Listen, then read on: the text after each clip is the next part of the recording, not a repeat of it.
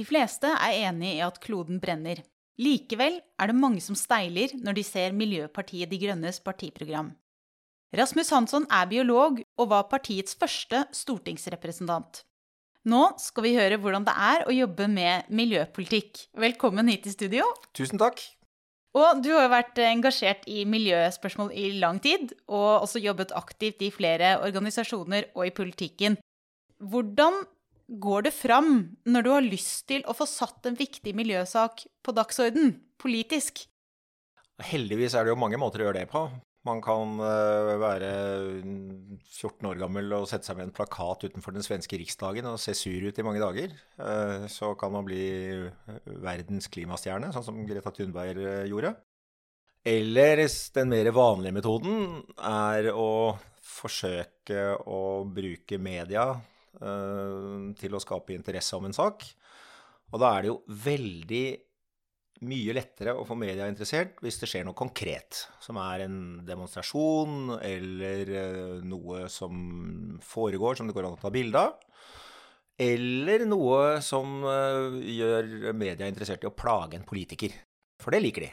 Så hvis man klarer å lage, lage noe, noe som er konkret nok til at media skjønner det, og som har konfliktpotensial nok til at media får lyst til å gjøre noe med det, så har du en sjanse til å komme videre. Har du noen eksempler på det? Ja, det er masse. Men det er sånn, én ting som er veldig viktig å føye til, og det er jo for oss som er biologer. Eh, man må ha faget i orden. Det stilles mye høyere krav til sånt som biologi og naturvern og sånt nå, for at folk skal ta det alvorlig, enn nesten de fleste andre saker. Så de som må ha orden i de faglige sysakene, det er i hvert fall biologene, hvis de skal komme på med noe som er, eh, som er viktig. Og så er jo, så er jo eksemplene eh, mange. Fra de riktig vonde gamle dager så prøvde vi å stoppe veibygging i Oslomarka. Spålsveien osv. Og, så og lagde aksjoner der til forskrekkelse for både oss og disse skogsarbeiderne som ble plaget av det. Det skapte medieoppstyr. En gang så bygde vi ut med veldig enkle midler den lille eh, arkitektoniske elva som renner foran Vassdragsvesenets bygg, og klarte å få Aftenposten til å bli interessert i at vi hadde bygd ut Middeltunsfallene. Gata foran het Middeltuns gate. Så en, en liten vassdragsutbygging hjemme hos vassdragsutbyggerne sjøl, det kunne virke. Og så er det jo Alta-aksjonen, som eh, er et eksempel på en, på en hel haug med forskjellige aksjoner. Med sultestreik som det alle, og okkupasjon av statsministerens kontor som, som, det vel aller skarpeste som har skjedd i norsk miljøvern.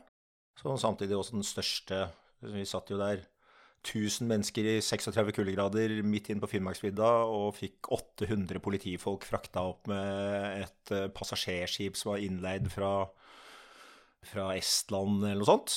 Altså en enorm sak. Det spørsmål om å bruke Forsvaret mot oss. Vi havnet i fengsel i hopetall. Det var også Det var jo Norges største naturvernaksjon, i tillegg til at det selvfølgelig var en kjempeviktig aksjon for samiske rettigheter osv. Men det viser jo at uh, spekteret er uh, veldig bredt. Men hele tiden så tror jeg at fagligheten i bånn og evnen til å formidle de faglige poengene om til noe som folk skjønner. Altså Chautso Canyonens skjønnhet, eh, lakseproduksjonen i Altaelva, den typen ting, er, er eksempler på, på sånn faglighet som må til for at en sånn aksjon skal bli forstått og få støtte.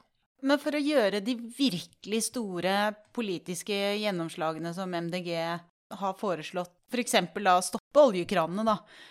Holder det å lenke seg fast, eller hvordan går man fram for å, å virkelig skape vilje og endring til å, å gjøre sånne ting? Altså, det er det jo ingen som klarer alene. Men det aller viktigste, hvis vi holder oss til dette oljestansspørsmålet, som akkurat nå, når vi spiller inn denne podkasten, er superaktuelt fordi det altså akkurat er kommet en rapport fra Det internasjonale eh, energibyrået, som altså er OECDs oljetenketank, som alltid har vært hovedsannhetsvitne til alle de som sier vi må fortsette å produsere olje, De har altså kommet med en rapport nå som sier at det er ikke plass til ett eneste nytt oljefelt hvis verden skal klare 1,5-gradersmålet. Altså stikk motsatte av det som regjeringen og de store opposisjonspartiene har sagt hele tiden og sier. Men for at, skal, for at en sånn rapport skal få gjennomslag, og alt det som fører framtiden skal få gjennomslag, så må noen først si det. Og det er jo da et sånt punkt hvor det går an å skryte av Miljøpartiet De Grønne, fordi vi sa det i 2013. Vi sa vi kan ikke fortsette å produsere olje. Det er amoralsk å tjene ræva full av penger på å ødelegge framtidas klima. Det er miljømessig farlig. Og det er økonomisk dumt fordi eh, oljevirksomheten kommer til å bli ulønnsom. Så det lønner seg å begynne å planlegge noe annet. Da syns jo selvfølgelig absolutt alle at vi var noen kronidioter. Selv Fredrik Hauge var min motdebattant i Dagsnytt 18-studio. Eh, for han syntes også det var veldig dumt. Eh, så så far out var det av MDG å foreslå det for sju år sia. Nå foreslår EIA det. Og det er fordi at logikken i standpunktet er så umotståelig at det plukkes opp, det underbygges mer og mer, flere og flere forstår det, det sprer seg i pressen, det sprer seg i de politiske miljøene, fordi at logikken og fagligheten eh, som ligger under det, uansett hvor avsindig sprøtt standpunktet er i utgangspunktet, så blir det faglig uimotståelig. Og det er igjen nøkkelen. Det er si gjerne helt crazy ting, men sørg for at de som hører deg, mistenker at du har fryktelig gode begrunnelser. Da får det effekt. Og det men, prøver jeg å ha som metode. Og hva, hva, er de fryktelig gode begrunnelsene helt konkret? Og hvis vi fortsatt snakker om uh, Det faglige? Ja, hvis, ja. ja, hvis vi fortsatt snakker om olja, så er jo den, den, den faglige begrunnelsen for å ikke bygge ut flere oljefelt, det er at verdens karbonbudsjett, altså budsjett for hvordan verden skal klare å holde seg under 1,5 graders ytterligere oppvarming, det budsjettet er allerede overoppfylt av de oljefeltene og gassfeltene som er i gang, og det kullet som, som er i gang. Så i det budsjettet er det ikke plass til enda mer karbon. Eh, å hente enda mer karbon opp fra bakken eller sjøbunnen. Da sprekker det budsjettet. Og det er den enkle forklaringen. Altså, vi har allerede funnet for mye olje til å klare 1,5-gradersmålet eller 2-gradersmålet. Vi kommer til å måtte hente en del karbon ut av atmosfæren hvis vi skal greie det. Og vi kan i hvert fall ikke dytte enda mer nytt karbon fra bakken og opp i atmosfæren. Det er, det er den enkle fysiske begrunnelsen for at det er ikke plass til mer fossilt karbon i atmosfæren. Men er det, er det, hvor mange er de som, som på en måte ikke forstår det? Jeg skal ikke, skal ikke, spekulere for mye i hva folk faktisk forstår. Men fryktelig mange kjøper den norske bortforklaringen. Og den norske bortforklaringen er ja, vi må redusere olje- og gass- øh, og kullproduksjonen fordi det er nødvendig av klimahensyn. Men det kommer fortsatt til å være behov for noe olje i en del år framover. Det finnes jo masse prognoser som viser det. Slutter ikke å bruke olje i hele verden eh, over natta. Og den oljen skal ikke hvem som helst produsere, det er vi som skal produsere den oljen. Det er de andre som skal slutte å produsere olje. For de er skitnere og slemmere og et eller annet enn oss. Vi er grønnest og snillest og trenger penga best. Derfor skal vi være de som produserer den siste olje og verden sitt klimaproblem skal løses ved at Saudi-Arabia og Venezuela og Russland og andre slutter mens vi fortsetter, fordi vi er så snille og greie og rene og pene. Det er en litt uhøflig, men helt presis beskrivelse av det som er den norske bortforklaringen. Men de som, de som er mot at vi skal øh, stoppe oljekranene i Norge, er, det er i hvert fall et argument jeg mener at, å ha hørt, da, at vi ikke har noe sånn Vi har ikke noe plan B sånn økonomisk. Men hva, hva tenker du om det? Nei, jeg tenker at altså For det første, for, for å være veldig saklig og respektfull, det er selvfølgelig riktig at det blir en stor og vanskelig overgang for Norge å fase ut den økonomiske sektoren som isolert sett er størst i Norge og hvor det jobber 50 000 mennesker direkte og 50 eller 100 000 til indirekte gjennom service og supply og alt mulig. Eh, og det er altså en en virksomhet som gir det som kalles superprofitt, altså overskuddet på å hente ut den naturressursen som heter olje og gass, er eksepsjonelt høyt. Som også har gjort Norge søkkrikt og skapt oljefond og alt det der. Det er klart at det kommer vi til å merke og fjerne det. Men eh, for det første så er det jo ikke bare MDG som må svare på hva vi skal gjøre etter olja. Det må jo snart Høyre begynne å gjøre også, og Arbeiderpartiet og Senterpartiet. For selv de sier vi skal slutte med olje.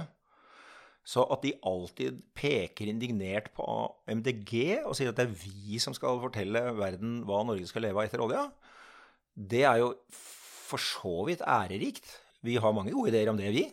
Men eh, det er også litt trist hvis det betyr at Erna Solberg og Trygve Slagsvold Vedum og, og eh, Jonas Gahr Støre ikke har den fjerneste idé om hva vi skal drive med etter olja. Det burde jo bekymre folk sterkt. Fordi de må også svare på det. Det er det ene. Eh, det andre er Norge er nå det eneste landet i Europa som satser på olje. Alle andre land i Europa satser fornybart av den enkle grunn at de har ikke olje.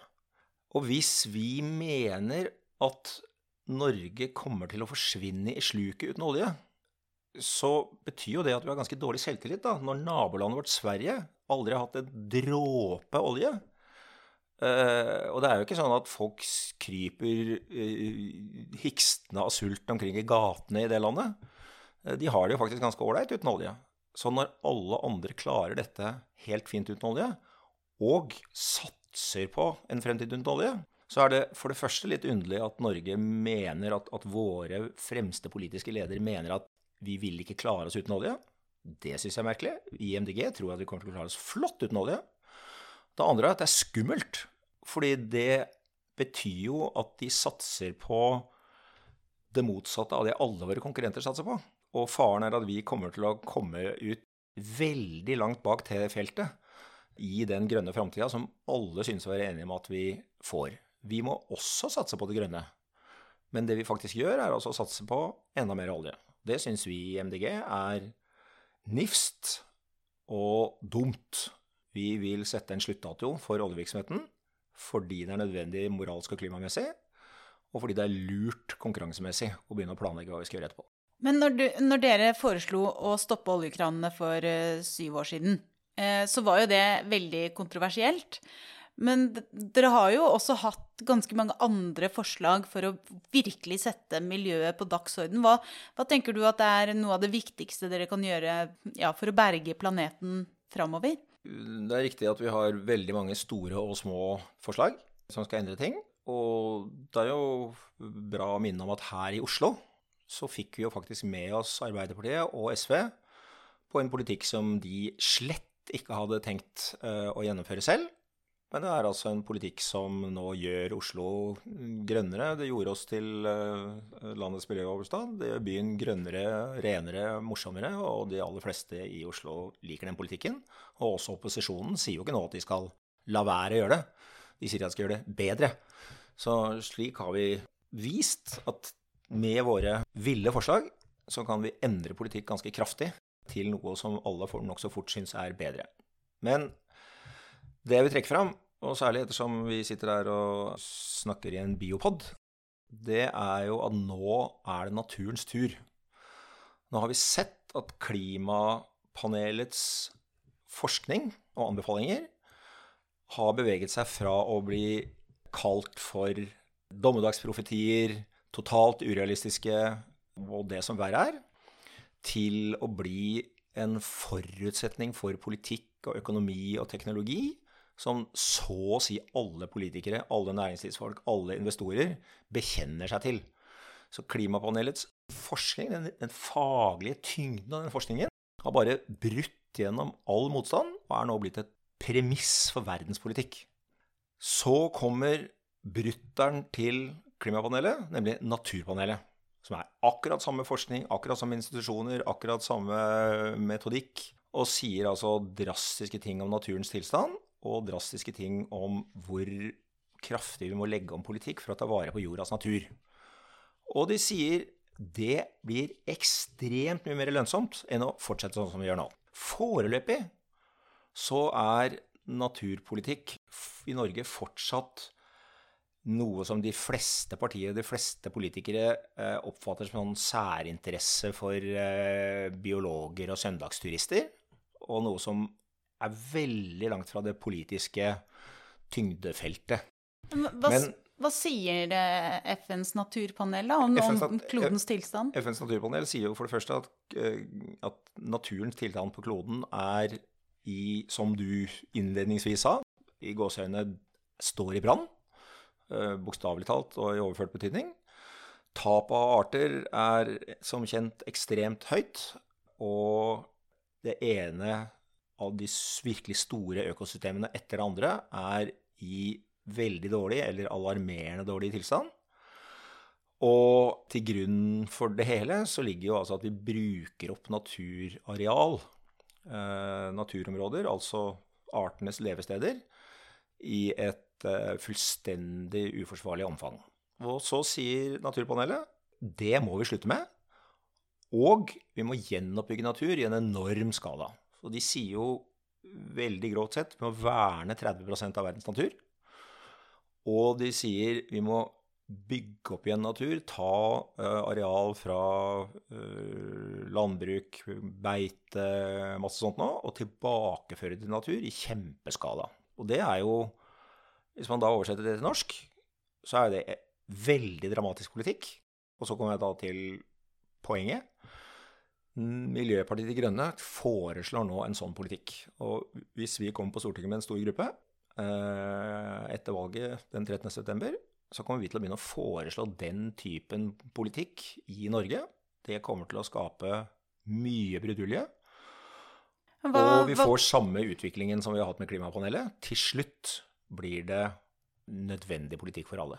Hvordan kommer folk til å merke det eh, i sin hverdag?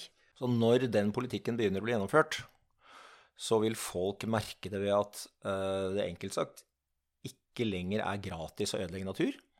Uh, og det betyr at uh, kommuner, næringsliv, utbyggere, grunneiere i utgangspunktet ikke vil få lov til å ødelegge natur. Og hvis de skal ødelegge natur, så må det en helt annen kunnskapsgrunnlag til for å, for å, avklare i hvilken grad det er eh, aktuelt. Og det kommer til å bli mye høyere krav til å restaurere eh, natur samtidig. Kanskje erstatte eh, natur. Utvikle metodikk for å gjenoppbygge eh, natur. Men tror du folk kommer til å forstå det? Fordi selv om selv om biologer eh, lenge har sagt at nei, det er ikke nok villmark i Norge, så vil jo folk som ikke er biologer, gå ut, ut av stua si og si, se rundt seg og si ja, men det er jo trær her. Der. Ikke sant? Er dette en politikk som du tror at, at dere klarer å markedsføre for folk flest, da? Ja da, det, det er helt overbevist eh, om. Det er ikke bagatellmessig. Det er eh, et pedagogisk oppgave, men det er jo en pedagogisk oppgave på linje med alle andre politiske endringer som har begynt med noe som man ikke eh, er vant til å gjøre. Altså røykeloven, eller stemmerett for kvinner, eller bare velg. Sånne ting som veldig mange mennesker syns var helt ko-ko. Så arbeider man med å forklare hvorfor det ikke er koko, men lurt.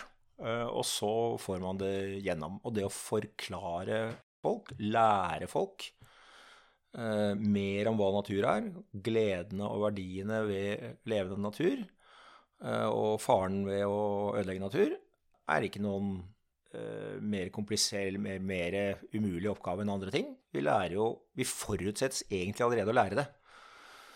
Vi tror jo at vi lærer barna deres våre dette på skolen, men vi klarer det ikke helt. Og nå må vi klare det. Hva tenker du om at fagmiljøene står sterkt i dette, med tanke på at eh, du har eh, FNs naturpanel i ryggen når dere ønsker å gjennomføre den politikken?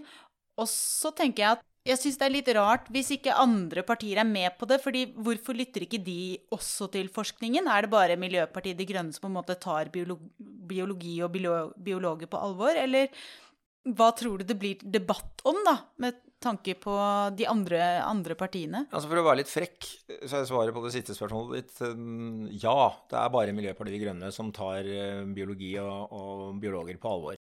Det de andre partiene Eh, gjør, er at de tar de, som, de interessene som ikke ønsker miljøvern, de tar dem mer på alvor. De tar grunneierne mer på alvor, de tar kommunene mer på alvor, de tar økonom, økonomene mer på alvor. Altså alle de som har en eller annen særinteresse som føler seg truet av å bevare natur, eller de særinteressene som har økonomisk interesse av å ødelegge og bruke opp natur, de andre partiene tar dem mer alvorlig. Akkurat som de tok alle de som hadde lyst til å slippe ut masse CO2, mer alvorlig enn klimaaktivistene. Men eh, altså, alle samlet fagmiljø står jo og sier nå bruker vi opp kloden. Det er, det, det er ikke mer ressurser igjen. Hvorfor, hvorfor, hvorfor, er ikke de andre partiene med på, på å stoppe det? Og hvorfor tar de juss eller økonomer mer på alvor enn en, en fagekspert i biologi? Fordi eh, i politikk eh, så er prioriteringene helt annerledes enn i, i jordas livsmiljø. Eh, natur har ingen eh, høy verdi i politikk. Det har derimot neste kommunevalg og neste stortingsvalg. Eh, det har eh, kommende budsjett. Det har eh, de interessegruppene som pleier å stemme på ditt parti. Det har etablerte lover og regler, selv om de kanskje er dumme sett i et naturperspektiv. I politikken er det sånt som har tyngde, og det betyr at alt som ikke har tyngde, men skal få det, det må kjempes fram. Og det er ikke noe oppsiktsvekkende for natur, for sånn har det vært med menneskerettigheter og demokrati og økonomisk likestilling og alle mulige slags reformer. De må kjempes fram mot et etablert system som syns det er et hår i suppa. Så det er grei skuring, og det skal vi gjøre. Men, men foreløpig så er det en lang kamp eh, for at naturen skal få den plassen i politikken som det den må få. Er du redd for at dere, dere, ender opp med å bare få sånne hva skal jeg si, symbolpolitikk eh, som blir gjennomført? Altså, akkurat nå er vi jo på, nesten på stadiet symbolpolitikk. Altså, vi, vi, bevarer natur på en biologisk, etter min mening, biologisk veldig dum måte. Nemlig at eh, det aller meste natur kalles verdiløs, i den forstand at det er bare natur som enten er truet eller sjelden eller veldig pen eller noe sånt, det er det som blir bevart.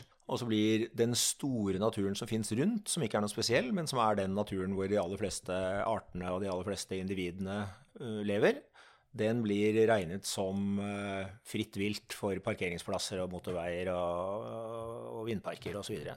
så det er jo, og, resultatet av det er jo en rødliste som er full av arter som ligger dårlig an. Og det er at den delen av norsk natur som er sånn noenlunde uberørt, den krymper og krymper og krymper.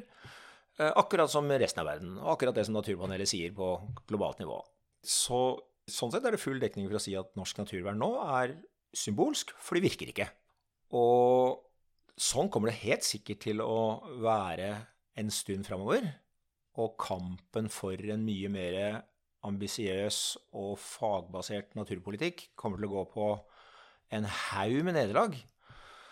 Men jeg føler meg også helt sikker på at vi kommer til å komme dit med naturpolitikken som vi nå er med klimapolitikken, fordi det er nødvendig for menneskehetens i hvert fall, om ikke overlevelse, så i hvert fall ve og vel. Og fordi vi får den samme vi får den samme mekanismen som vi hadde eh, og har med klimapanelet, nemlig at den vitenskap, eller tyngden av vitenskapen bak naturpanelet kommer til å bli så diger at det blir vanskeligere og vanskeligere og vanskeligere å være naturskeptiker. Altså, nå finnes det nesten ikke klimaskeptikere lenger. For de er blåst av banen rent faglig. Det er det som kommer til å bli mekanismen natur, fra Naturpanelet også. Om det tar fem år eller 15 år, det kan jeg ikke si. Men jeg er sikker på at det kommer til å skje. Tror du folk blir sure når de oppdager at den politikken egentlig betyr at nei, du får ikke bygge en ny hytte, du? Ja. ja. Det blir de sure. Men det, det er alltid interessegrupper som blir sure når man forandrer på noe i politikk. Det, enten du justerer skattenivå, eller du gjennomfører en røykelov, eller et eller annet, så blir jo folk sure. Og der, delvis så kan man stole på at folk venner seg til ting. Men først og fremst så er det jo den store, store politiske oppgaven å forklare hvorfor det er lurt, og vise fram hvilke fordeler folk får av det. Det er selvfølgelig en utfordring når noen har lyst til å bygge garasje. Og det de får, er noe humler og bekkeblom isteden, og du sier 'kos deg med det', så er det jo ikke sikkert at de er helt enige. Men, eh, men eh, kanskje barna deres er enige.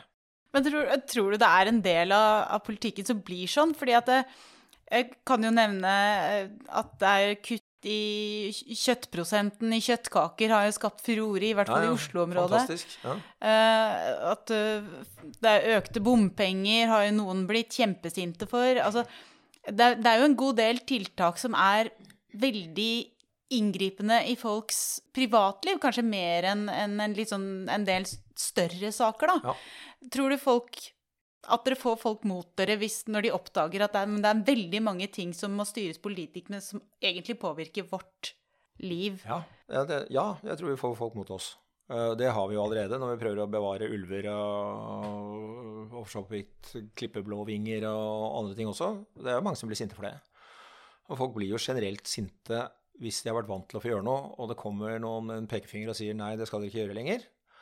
Og det er jo miljøvernets og miljøpolitikkens problem at vi har måttet ta på oss ansvaret for å løse noen problemer som er såpass store og vanskelige at de andre partiene ikke gidder.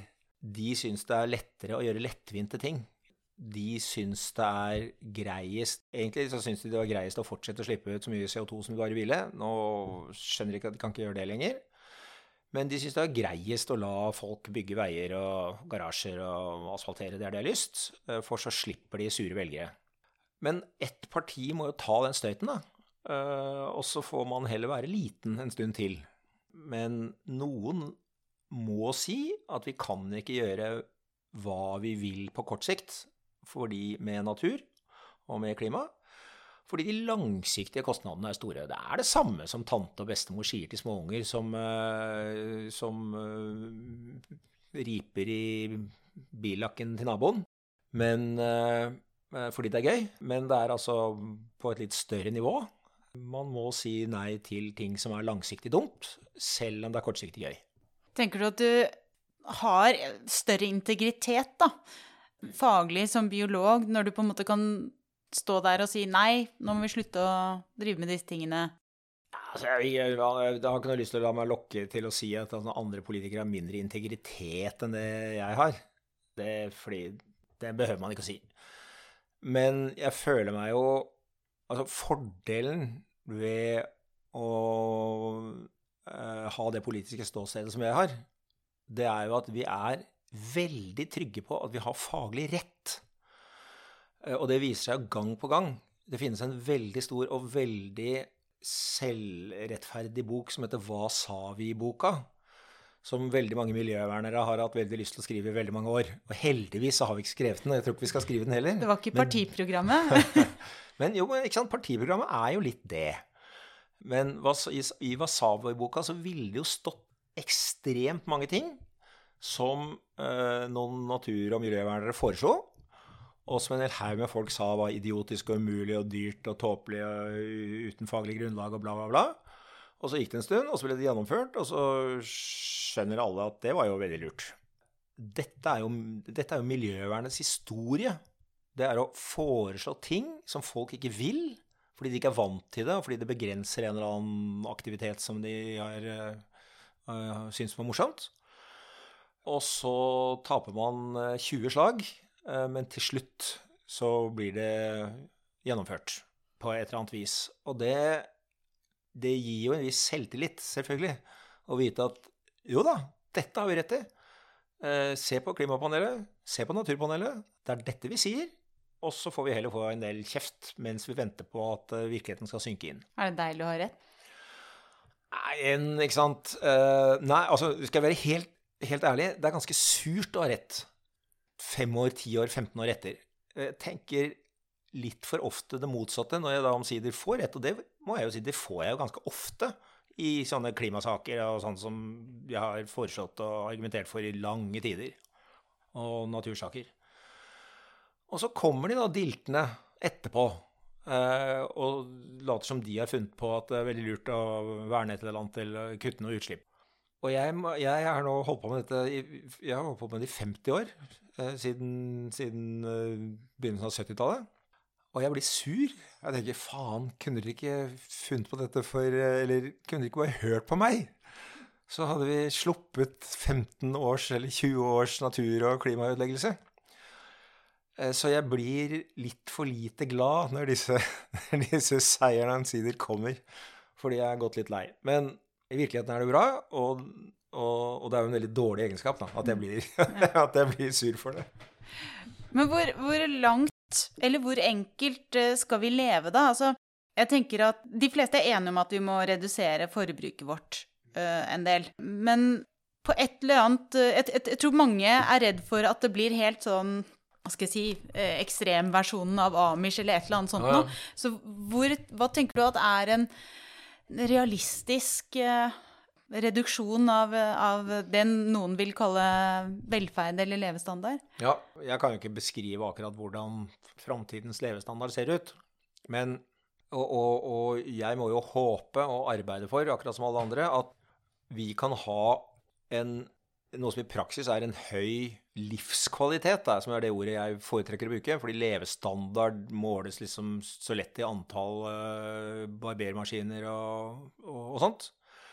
Men uh, som ikke nødvendigvis gir så veldig høy levestandard. Uh, eller unnskyld, som ikke nødvendigvis gir så høy livskvalitet, men som kan kanskje regnes som høy levestandard. Så jeg, jeg må jo håpe og arbeide for at vi kan ha høy livskvalitet, også med et mye lavere forbruk. Og, og, jeg er jo så gammel at uh, det, det, er et argument jeg må passe meg for å bruke. For det, sånn, det funker overhodet ikke hos unge mennesker å si 'da jeg var ung'. Men faktum er jo at da jeg var ung, på 60-tallet, så hadde jeg et veldig mye lavere forbruk sånn totalt sett enn det ungdommer på samme alder har i dag. Og jeg hadde det helt fint. Folk hadde det helt fint. Det var en del ting som var dårligere, og til og med en del ting som var bedre. Men det var jo ikke sånn at vi levde dårlige liv. Så bare, og vi hadde veldig mye gryn og erter i kjøttkakene våre. Det kan jeg i hvert fall love deg. Men det er på en måte den, den, ene siden av saken, at vi må arbeide for at vi skal kanskje tenke mer på livskvalitet enn på forbruk som mål på å ha det bra.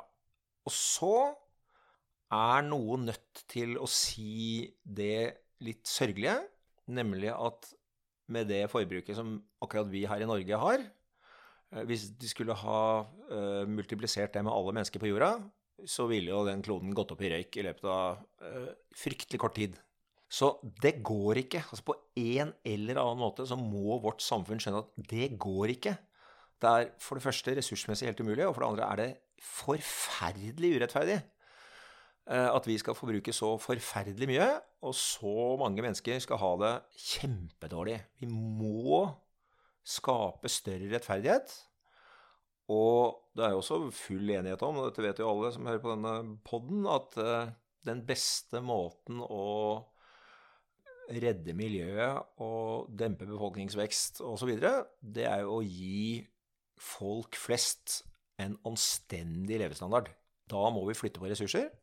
Da kan ikke vi sitte og ha et uh, rabiat uh, forbruk alene på toppen og tro at resten av verden skal fikse seg sjøl. Det må vi tørre å si. Det er det mange som ikke liker å høre, men det er sånn.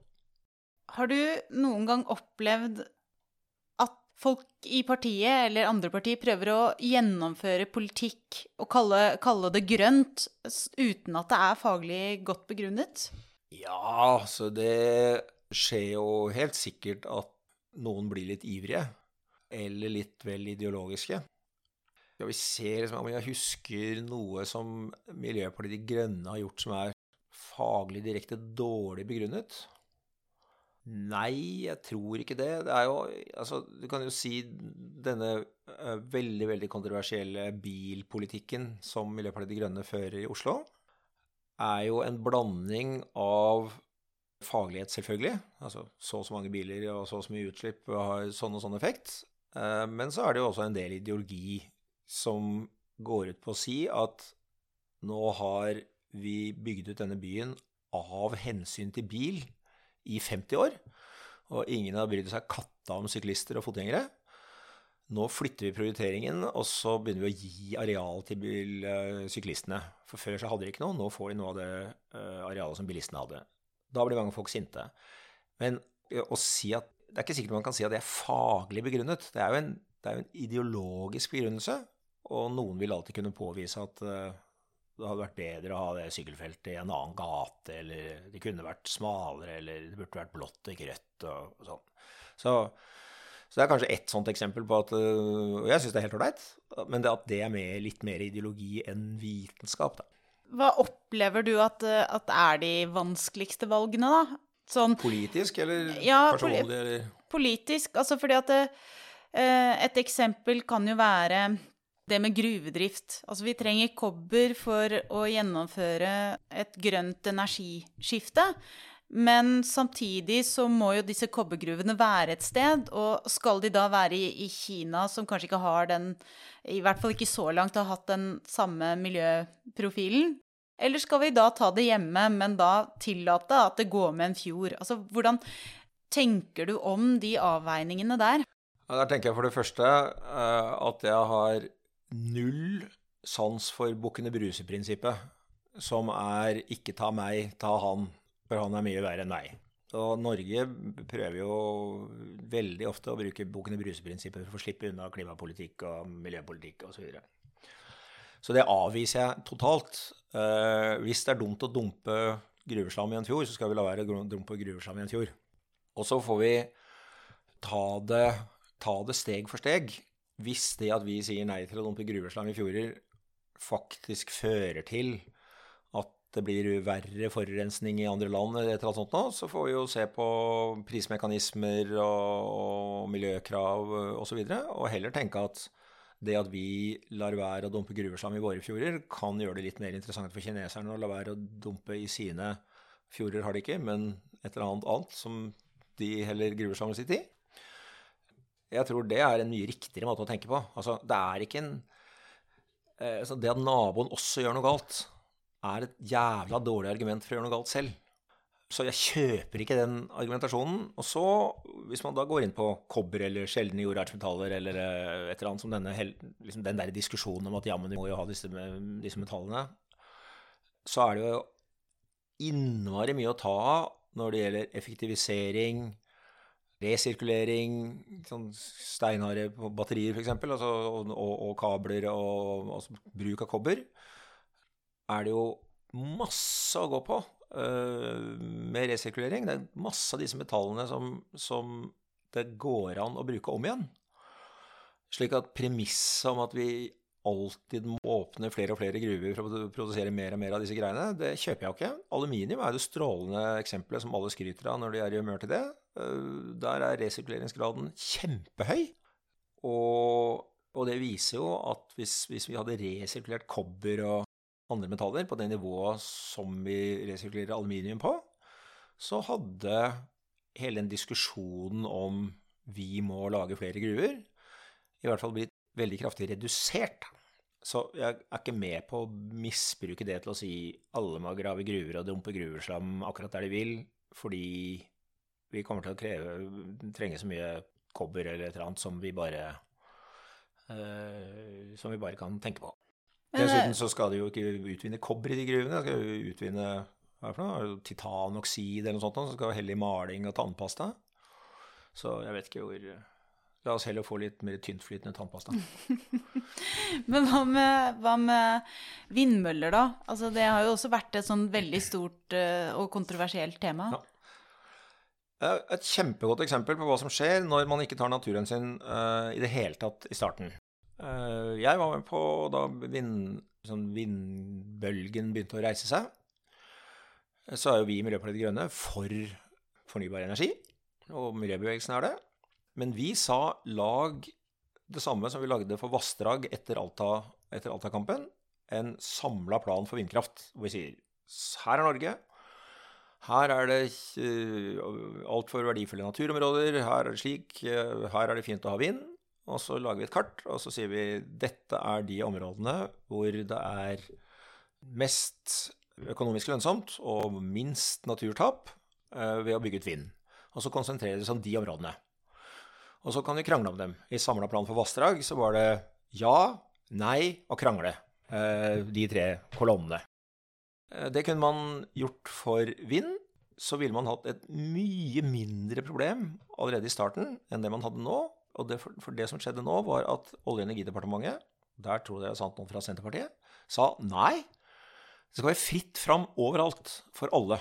Og da fikk du den situasjonen at du fikk en flom av ø, prosjektforslag som da har en dynamikk hvor de skaper forventninger i kommunestyret, det blir investert millioner kroner, øh, og så kommer alle etterpå og sier 'vi trodde at', og 'vi har investert i', og 'hvorfor skal ikke vi få', osv. Og, og så skjer det samtidig som folk begynner å oppdage hva som er naturkonsekvensene av den utbyggingen. Og så får du det derre idiotiske krasjet som du har fått nå på vind, som både er dårlig for vindutbygginga, og er elendig for naturen, og er veldig dum politikk, fordi det skaper en masse konflikter som hadde ikke behøvd å være der hvis man gadd å planlegge. Men her var premisset var at all natur i Norge skal være fritt vilt for vindutbygging. Det eneste som er viktig, er vindutbygging. Eh, kjør på, og så rydder vi i kaoset etterpå. Det var premisset. Jævla dårlig politikk med et jævla dårlig resultat. Fy skam de som gjorde det. Og et veldig godt eksempel på at man kan få en veldig mye bedre eh, løsning ved å ta hensyn til natur i begynnelsen. Men hva tenker du om eh, et annet kontroversielt tema? Kjører vi på med kontroverser? Dere, dere, dere, er jo litt kjent for det i Miljøpartiet. Men hva med rovdyr i Norge? Hva tenker dere om, om ulvesonen og på en måte det å ja, ta vare ja, vi, vi, på de store ja, rovdyra? Vi tenker at moderne samfunn, særlig et samfunn som driver og kakler om at vi tar hensyn til natur er miljøvennlig osv., vi må jo bare se helt bort fra tanken på å skulle utrydde dyrearter som hører til vårt økosystem. Altså, slutt! Det er, det er ikke aktuelt. Vi skal ha øh, de rovdyrene som er en del av øh, det boreale øh, økosystemet som vi er en del av. Og det har jo for så vidt nesten alle partier sagt. Og det er det er grunn til å, å, eh, stoppe opp ved at Senterpartiet sånn forholdsvis ofte sier eh, Jeg vet ikke om det står i programmet deres, det gjør det kanskje ikke, men det er jo forholdsvis mange Senterpartipolitikere som sier at man bør utrydde ulv i Norge. Ja, sterk kost, altså. Det, det, bare, det hører jo ikke hjemme i dette århundret i det hele tatt. Og ikke forrige heller. Men så er diskusjonen hvor mye. Og i Miljøpartiet De Grønne så mener vi jo at akkurat ulv er det jo så lite av i Norge at det er en sånn biologisk vits. Norsk ulv finnes jo bare fordi Sverige og EU opprettholder en mye større bestand på den andre siden av grensa, som kan fylle på med ulver rett som vi knerter dem. Og det er, burde også være under et sånt land som vårt sin verdighet. Når det da gjelder sonen, så tenker nok vi at den bør man diskutere. Eh, og vi er åpne for løsninger. Én løsning kan være å beholde den sonen som er, eh, og ta til etterretning det som skjer, at det blir veldig lite eller ikke noe sauedrift i den sonen. Eh, men så vil det kunne være en del mer ulv, og så vil man kanskje kunne tenke tanken, og dette er det bare meg som sier, ikke partiet, tenke tanken at vi lar det som er praksis utenfor sonen, bli også etablert politikk. At de, som, de unge ulvene som fyker ut der, de ryker. Men at innenfor sonen så får ulv faktisk være ulv. Men sier du det av en sånn faglig biologisk eh, Fra et faglig biologisk ståsted? Er du liksom litt uenig med partiet der, rett og slett fordi at det er den biologifaglige eh, perspektivet? Nei, dette er, nei, det, det, dette er veldig pragmatisk, fordi ulver jo, er jo veldig lite samarbeidsvilje selv overfor oss som prøver å ta vare på dem. Hver gang du har redda en ulv, så løper han av gårde og biter en sau som takk. Så, eh, så, det er jo noen ganske ugreie dyr. Um, og, så det jeg sier nå, er pragmatisme. Altså det er et forsøk på å finne et, et, et sånn biologisk minimum som er bedre enn det som er nå, som er helt uakseptabelt. Men som, som er noenlunde forenlig med det at vi har et uh, ekstensivt landbruk uh, og mye dyr på beite i Norge, så tenker jeg at det kanskje er den løsningen vi bør uh, gå etter. Men det bor jo masse folk innafor ulvesonen som ikke vil synes at det er noe gøy. så det er jo en, da, en, en diskusjon som man får se om man kan finne en løsning på. Syns du det har vært vanskelig å ta med deg faget inn i, i politikken og partiprogrammet? Altså det, har du noen gang følt at du har måttet forklare andre hva biologi egentlig er? Ja, eh, altså i Miljøpartiet De Grønne så er jo ikke det noe problem. Eh, for det er jo på ganske mange måter et biologisk parti eh, som har som, som eh, altså grunnsetningen i i Miljøpartiet De Grønne er jo et, eh, et, eh, samfunn i økologisk balanse eh, med naturen.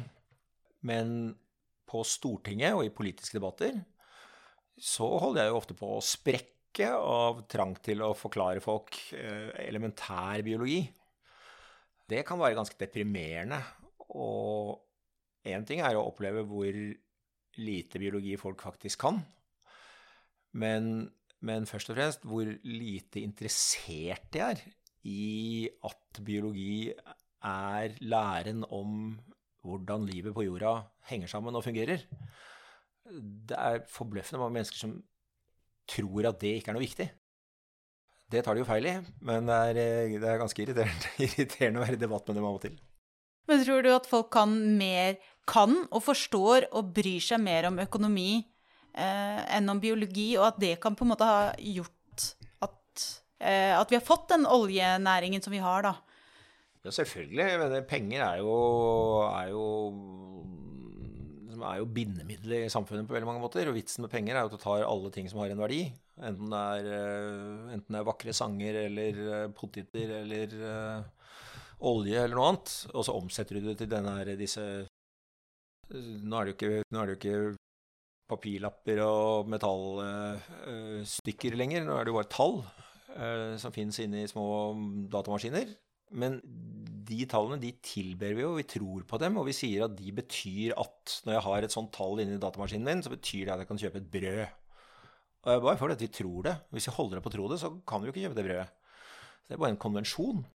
Men det er jo en ekstremt nyttig konvensjon som binder alt vi driver med i samfunnet sammen. Og så, mens naturen, den er jo sta. Den holder på sitt. Den fortsetter å være børstemarker og tistler og greier, uansett hva vi tenker om det. Så den er mye, mer, mye mindre grei å ha med å gjøre, og mye mindre grei å ja, bruke i samfunnsplanlegging og sånn. Eh, så derfor har vi jo blitt enige om at eh, penger er lurt som sånn, sånn sentralt virkemiddel og planvirkemiddel i samfunnet. Og det er det veldig mange som er opptatt av, forståelig nok. Og da taper naturen, fordi den er mye mindre grei å, å øh, putte inn i et budsjett. Hva blir det viktigste holdt jeg på å si, for å putte naturen inn i et budsjett fram mot øh, valget til høsten? Ja, fra nå til valget eh, blir det jo å benytte de mulighetene man får til å understreke at natur må få samme betydning som klima. Og at det er ingenting som heter enten klima eller natur. Det er to sider av samme sak, og det finnes bare én måte å si det på, nemlig både klima og natur. Det er jo kjernen av det som i hvert fall jeg kommer til å bruke tid på å prøve å få sagt så mange steder som mulig i valgkampen.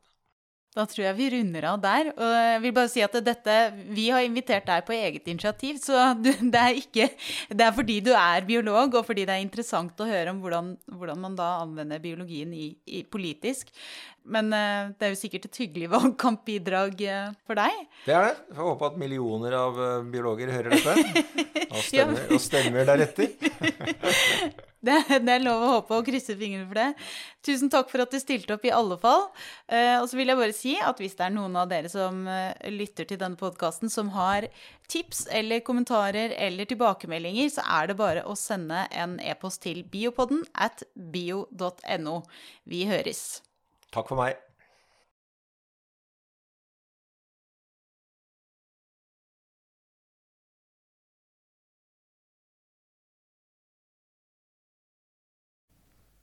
Du har nå hørt Biopodden med Vilde Olsson Lahlun og Elina Melteig.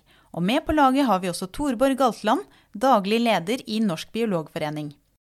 Musikken du hørte, er laget av biologibandet Overgump, som består av Even Sletteng Garvang, Markus Fjelle, Erik Møller, Mathias Kirkeby og Audun Rugstad.